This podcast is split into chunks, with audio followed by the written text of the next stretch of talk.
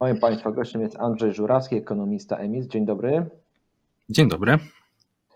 Panie Andrzeju, będziemy rozmawiać o kondycji sektora bankowego w Polsce. Jaka jest faktycznie ta kondycja? Bo z jednej strony słychać narzekania przedstawicieli sektora o różnego rodzaju obciążeniach, a z drugiej strony mamy wyniki banków, które pokazują zupełnie coś innego, które pokazują, że te zyski rosną i ta kondycja chyba jest całkiem niezła.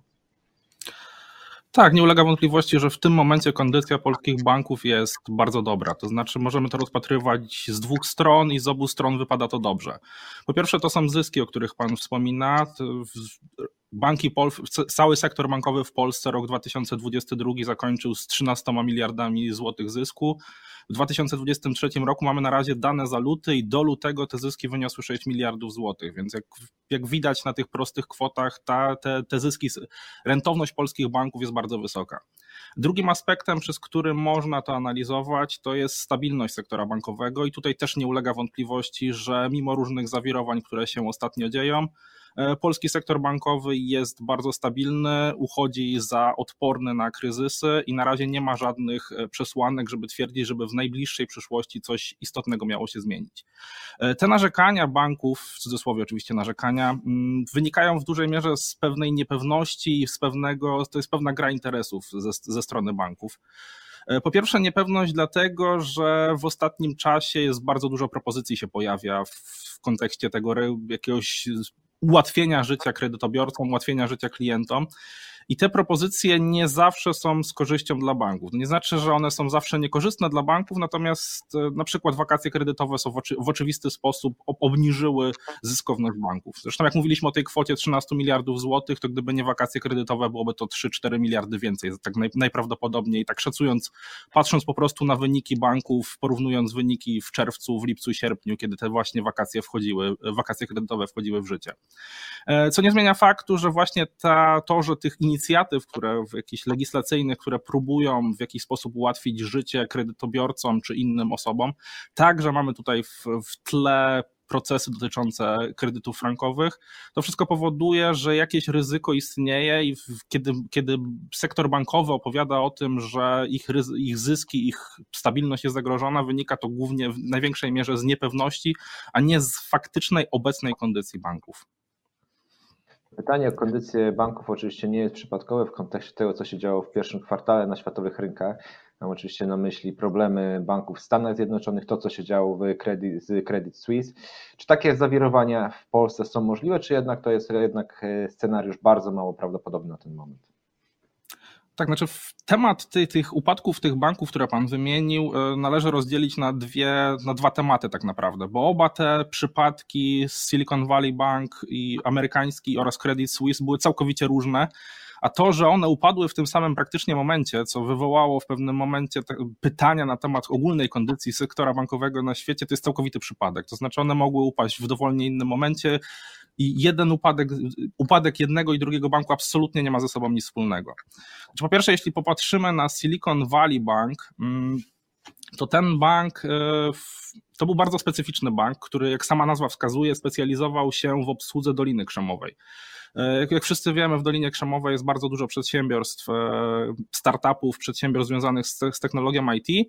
I ten bank trochę funkcjonował na zasadzie startupu. On co prawda to nie jest nowy bank, bo on został założony w latach 80., więc tam prawie obchodził 40-lecie, tylko nie, zdążył, nie zdążył obchodzić 40-lecia. E, natomiast nie zmienia faktu, że on do końca funkcjonował trochę jako startup i wszystkie startupy bardzo, było bardzo modne, żeby trzymać swoje, swoje pieniądze w tym właśnie banku. To, co się stało z Silicon Valley Bank, on był w bardzo dobrej kondycji jeszcze niedawno, natomiast całkowicie wykończyły go podwyżki stóp procentowych. I to brzmi trochę paradoksalnie, bo jak wcześniej mówiliśmy o zyskach polskich banków, one zawdzięczają je właśnie podwyżkom stóp procentowych, więc dlaczego Silicon Valley Bank e, został dobity tak naprawdę przez te podwyżki stóp procentowych. I to wynika z całkowicie innej struktury tego banku niż, niż jest nie tylko banki w Polsce, ale większość banków na świecie ma inną strukturę. E, otóż e, to był bank głównie depozytowy. On był, był bankiem, który zbierał pieniądze z tych, z tych wszystkich startupów i potem je inwestował w różne, w różne inne cele. E, to był głównie, głównie inwestycje w obligacje albo w jakieś, w jakieś, jakieś inne inwestycje. Natomiast wskutek tego portfel banku SV, y, Silicon Valley Bank był dużo większy, miał wie, dużo większy portfel depozytów niż portfel kredytów. I w momencie, kiedy stopy procentowe wzrosły, to spadła rentowność obligacji, które oni posiadali, w które oni inwestowali, a jednocześnie ich E, inwestorzy, te wszystkie startupy, które u nich trzymały pieniądze, oczekiwały wyższego, e, wyższych, e, wyższych odsetek za, za posiadane środki. No i po prostu ten bank w, w którymś momencie ten bilans przestał się spinać. Tam jeszcze dochodzi oczywiście w przypadku Silicon Valley Bank kwestia tego, że przez pierwsze pół roku podwyżek stóp procentowych ten bank nic, nic, nie zrobił. A tu też warto podkreślić, że w przeciwieństwie do tego, co czasami robi Narodowy Bank Polski, to rezerwa federalna, czyli bank system banków centralnych w Stanach Zjednoczonych, zazwyczaj z dużym wyprzedzeniem zapowiada to, że planuje podwyższenie stóp procentowych no i tam też taka oczywiście zapowiedź poszła ze strony Fedu i Silicon Valley Bank zignorował tę te, te, te zapowiedź i nie zmienili w ogóle swojej strategii e, przechowywania środków i w długim okresie, w długim, no nie, nie bardzo długim, bo to był raptem rok minął od, od, od tych podwyżek stuprocentowych do upadku banku, to wystarczyło, żeby się, żeby się ten e, ten, ten model biznesowy przestał spinać.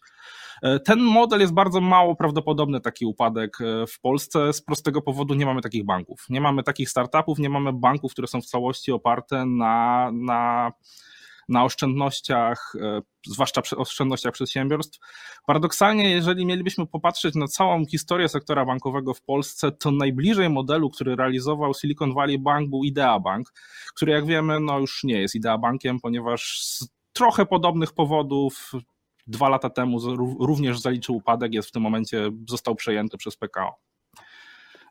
Credit Suisse jest z kolei całkowicie innym przypadkiem, bo to jest, e, różnica jest też taka, że nikt nigdy nie rozpatrywał Credit Suisse w kategorii startupu, tak jak można było robić Silicon Valley Bank. To jest jedna z najstarszych i najbardziej szanowanych instytucji e, w sektorze bankowym na świecie. To jest bardzo stary bank, który miał bardzo ugruntowaną pozycję, także ugruntowaną w ostatnich latach, bo jak spojrzymy na kryzys finansowy w 2008 roku, to był bardzo dużo banków miało problem, był słynny upadek Lehman Brothers, były restrukturyzacje, były bailouty i tak dalej. Natomiast Credit Suisse przeszedł przez to praktycznie suchą stopą, bez żadnych większych problemów, nie było żadnej potrzeby e, nie było żadnej potrzeby do publicznej pomocy dla tego banku, ani nie było, nie było żadnych innych większych problemów dla klientów. Natomiast od tego momentu w tym banku zaczęły się pojawiać problemy i te problemy trwały od bardzo długiego czasu. I żeby to zobrazować, bardzo dobrze jest przytoczyć e, historię prezesa tego banku, który był w, w ostatnich latach, to znaczy Tijane Tiam. To w ogóle jest ciekawa postać, bo nieczęsto się zdarza, że szwajcarski bank e, dyrektorem, prezesem szwajcarskiego banku zostaje osoba urodzona w Wybrzeżu Kości Słoniowej, która była tam w tym właśnie, w tym kraju była ministrem gospodarki i tak dalej. I ten Tijamet Yam, który był bardzo doświadczonym menedżerem, bo to zanim on trafił do Credit Suisse, to pracował w milionie e, francuskich czołowych instytucji. I on został prezesem banku w 2016 roku z misją naprawienia problemów, które ten bank posiada. Więc proszę zwrócić uwagę, że kiedy mówimy o tym, że Credit Suisse upadł, to tym, o, tym, o tym, że ten bank ma problemy, mówimy od co najmniej 7 lat. E, skąd te problemy wynikają? Między innymi z tego, że w 2014 roku na ten bank zapadł wyrok e, mm, z powodu unikania nieprawidłowości podatkowych. Bank zapłacił 2,8 miliarda dolarów, czyli mniej więcej zapłacił więcej Zapłacił mniej więcej tyle, ile wynosiły zyski całego sektora bankowego e, w, w Polsce w zeszłym roku, kiedy, kiedy mówiliśmy o tym, że te, te, zyski były e, rekordowo wysokie. Więc jest to, jest to kara, którą żaden bank nie może, sobie, nie może, e, nie może sobie nie może zignorować. Natomiast równie znamienne jest to, jak skończyła się kariera Tijamet Yama w Credit Suisse. To po czterech latach on miał na początku bardzo duże sukcesy, że chwalono go za skuteczną restrukturyzację, natomiast stracił pracę w związku z tym, że pojawiły się plotki, że szpieguje swoich pracowników. Prawdopodobnie to nie był on, tylko jego podwładni, natomiast zawsze to prezes ponosi odpowiedzialność za, za, za takie sytuacje. E, więc kończąc tę przedługą historię na temat tych dwóch historii banków, e, one są całkowicie inne i oba pokazują, że mm, banki nie padają bez powodu i nie padają z, z dnia na dzień. I w tym momencie, jeżeli popatrzymy na sytuację sektora bankowego w Polsce, niewiele wskazuje na to, żeby, mm, że coś takiego powinno się, może się wydarzyć w najbliższym czasie. No dobrze, ale też słyszymy ze strony chociażby nadzorcy e, o tym, jakie mogą być konsekwencje związane z wyrokiem w sprawie kredytów frankowych, czy tam padają astronomiczne kwoty, nawet 100 miliardów złotych kosztów. Czy to nie jest taka trochę tykająca bomba dla sektora? Trochę jest, natomiast e, to należy rozpatrywać z dwóch stron. To znaczy, po pierwsze, to, w którą stronę pójdą wyroki frankowe, jest jest zagadką w, dużej mierze, ponieważ e, wiemy już na temat tych wyroków, które do tej pory zapadły, że prawnicy, którzy pracują w, w sądach, mają trochę inne rozumienie, trochę inne wyobrażenia na temat e, funkcjonowania tego całego sektora i tych, tych umów kredytowych niż ma, ma sektor bankowy. Więc w dużej mierze te wyroki były dla sektora bankowego do tej pory zaskoczeniem. E, może być tak w dalszym ciągu. Jakiś taki skrajny scenariusz teoretycznie możliwy z punktu widzenia prawnego jest taki, że banki będą zmuszone do oddania tych wszystkich pieniędzy, które zostały przyjęte, to byłoby bardzo duży problem dla, dla, sektora, dla sektora bankowego. Natomiast wydaje mi się po pierwsze, że z punktu widzenia prawnego i tego typu spraw ten scenariusz nie wydaje się bardzo prawdopodobny, ale na pewno, na pewno jakieś koszty powinny banki uwzględniają i to wiadomo, że wszystkie stres testy bankowe te, te elementy uwzględniają. Natomiast druga sprawa jest taka, że mm, ten problem tu w pewnym sensie można powiedzieć, że, że sektor bankowy jest beneficjentem tego, że polski system sądowy zasadniczo działa wolno. I czym on wolniej działa, tym ten problem jest mniejszy. To, to sama ta opieszałość tych, tych wszystkich wyroków w pewnym sensie rozbraja, rozbraja tę bombę tak krok po kroku. E, dość powiedzieć, że w tym momencie, według ostatnich danych lutowych z KNF-u, e, portfel kredytów frankowych spadł po raz pierwszy od ponad 10 lat poniżej 50 miliardów złotych co oznacza, że w tym momencie to jest 10% wszystkich kredytów mieszkaniowych. E, można dodać, że kredyty mieszkaniowe to też nie jest cały portfel banków, bo w ogół kredytów mieszkaniowych to, to, to jest e, mniej więcej jedna trzecia wszystkich e, aktywów, które posiadają banki. Więc biorąc pod uwagę te kwoty, to jest na pewno dużo mniejszy problem niż gdyby, się, gdyby te wszystkie wyroki zapadły powiedzmy w 2010 roku, kiedy ponad 40% kredytów mieszkaniowych w Polsce było, było kredytami walutowanymi w frankach szwajcarskich. Do tego nie doszło, no i więc w tym sensie to jest w, jaki, w jakiś sposób e, rozbraja ten problem. Drugą sprawą jeszcze, którą chciałem powiedzieć, to jest e, sytuacja tych kredytobiorców. To znaczy, wydaje się, że motywacja kredytobiorców nie jest bardzo duża do walki o to, o, tych, o to w sądach. To zresztą widać nawet po liczbie jeśli porównamy liczbę kredytobiorców z liczbami wniosków do, do sądów, e, te liczby nie, na razie ze sobą nie współgrają. Pewnie jak jeżeli te odszkodowania zaczną się pojawiać, to oczywiście wszyscy, wszyscy inni kredytobiorcy zostaną zmotywowani do tego, żeby to zrobić, bo dlaczego nie? Natomiast e, to wynika w dużej mierze z tego, że zasadniczo Polacy nie mają wielkiego problemu ze spłacaniem kredytów mieszkaniowych. I to jest taka, mm, jak popatrzymy na statystyki też, e, jak wcześniej zaczęliśmy rozmowę o stabilności tego sektora bankowego, e, to taką najprostszą liczbą, na którą się zazwyczaj patrzy w sektorze bankowym jest tak zwany wskaźnik non-performing loans, czyli kredyty, które są zagrożone tym, że nie, zostaną, nie będą spłacane albo są opóźnione. I to jest e, moja firma, którą reprezentuję, zajmuje się zasadniczo dostarczaniem przedsiębiorcom e, danych finansowych albo danych makroekonomicznych, natomiast każda dana, to co my zawsze pokazujemy, to to, że każda dana makroekonomiczna funkcjonuje tylko w kontekście. No i kontekst jest taki tej, tego, tego wskaźnika non-performing loans, że on w Polsce wynosi około 5% i to jest trzeci najwyższy w Unii Europejskiej. I to byłoby samo w sobie dosyć niepokojące, natomiast kontekst tego całego systemu, te, tego całego wskaźnika jest taki, że w dużej mierze pompują go kredyty konsumpcyjne, kredyty, kredyty dla osób indywidualnych, natomiast te kredyty, które są dla stabilności całego sektora bankowego najbardziej ważne, czyli kredyty długoterminowe, kredyty mieszkaniowe, tamten wskaźnik wynosi 2,2% w tym momencie, więc jest to jest to liczba, która jest, każdy bank ma wliczoną w swoje, w swoje ryzyko naturalnie występujące zawsze, jak się prowadzi tego typu działalność gospodarczą. I to pokazuje, zmierzam do tego, że ogólnie kredyty mieszkaniowe są spłacane i Polacy nie mają dużych problemów ze spłacaniem tych kredytów, e, kredytów frankowych. I to też wpływa na to, na, na to że ryzyko, że będzie duży, duży upadek sektora bankowego z powodu wyroków w sprawach frankowych nie wydaje się bardzo duży.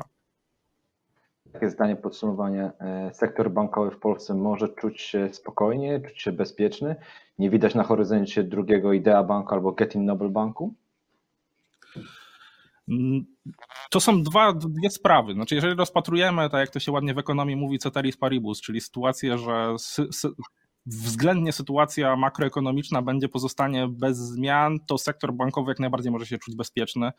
E, wszystkie mm, całe wskaźniki ekonomiczne, jakie możemy do tego, do, do sektora bankowego przypisać, one są pozytywne, sektor jest stabilny i zyskowny.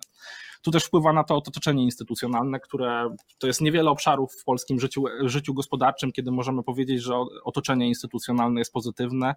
Natomiast sam fakt, że mamy, mamy zabezpieczenie w postaci Komisji Nadzoru Finansowego, rekomendacji przez nie wydawanych, to też wpływa na to, na, na stabilizację tego sektora. Natomiast są Żyjemy w dosyć specyficznym momencie e, dziejowym, więc w tym sensie nie można powiedzieć, że banki są w 100% bezpieczne i to wpływają na to dwie rzeczy. E, po pierwsze jest ogólna sytuacja polityczna na świecie. Mm, to jest ten żart, który się opowiadało, że stopy na pewno nie, jak kredytobiorcy brali kilka lat temu kredyty, że stopy procentowe na pewno nie wzrosną, musiałaby wybuchnąć pandemia i wojna, żeby, żeby wzrosły. No i wybuchło jedno i drugie, więc e, te Pandemia prawdopodobnie jest za nami, natomiast wojna, na, wojna w Ukrainie w dalszym ciągu trwa i to jest jakiś czynnik w ogóle dla całego, dla całego środowiska makroekonomicznego, który jest istotny. E, druga sprawa jest taka, że te propozycje polityczne, które wpływają w jakiś sposób e, na, sektor, na kondycję sektora bankowego, o których opowiadałem wcześniej, e, one na razie nie były wielkim problemem dla banków. Znaczy, wakacje kredytowe było jasnym spadkiem, spadkiem zysków, natomiast on był zyskiem, który był dosyć wkalkulowany i w jakimś stopniu banki sobie to później odbiją, bo, Y, raty, które zostały, wakacje kredytowe nie były umorzeniem rat, tylko ich odłożeniem w czasie, e, więc to bardziej prawdopodobnie wpływ, w obecnej konstrukcji bardziej wpłynęło na bieżące zyski banków niż na ich długoterminową, e, na długoterminową kondycję. Podobnie jest z propozycją, która ostatnio weszła kredytu 2% na, na mieszkania. E, ten, ten, ten, ta, ta forma też nie powinna w dużej mierze zaszkodzić bankom. E, ja więcej zaryzykuję twierdzenie, że ona będzie miała w ogóle niewielki wpływ na, na, na, na sytuację kredytową w Polsce, ponieważ e, wymogi dotyczące zdolności kredytowej nie zmieniają się wskutek tej, wskutek tej propozycji i po prostu i tak te same osoby, które aplikowałyby o kredyty, będą aplikować o kredyty dwuprocentowe, tylko będą w tym momencie w dużo lepszej sytuacji finansowej. Marginalna jest w tym momencie, w, tych, w obecnych przepisach, w obecnej sytuacji makroekonomicznej, marginalny jest odsetek ludzi, którzy nie aplikowaliby, gdyby kredyty były droższe, a będą aplikowali teraz. E, natomiast trwa kampania wyborcza i te propozycje, no, te propozycja kredytu dwuprocentowego czy kredytu dofinansowywanego przez państwo pojawiła się zarówno ze strony partii rządzącej, jak i partii opozycyjnych. I czym bliżej jesteśmy wyborów, czym dłużej trwa kampania wyborcza, możemy się spodziewać, że takich propozycji będzie więcej. Czy której z nich mogą zagrozić, e, zagrozić sektorowi bankowemu? Na razie wątpię, ale nie można tego wykluczyć. I tutaj stawiamy kropkę. Andrzej Żurawski, ekonomista EMIS, był moim Państwa gościem. Bardzo dziękuję za poświęcony czas. Dziękuję bardzo.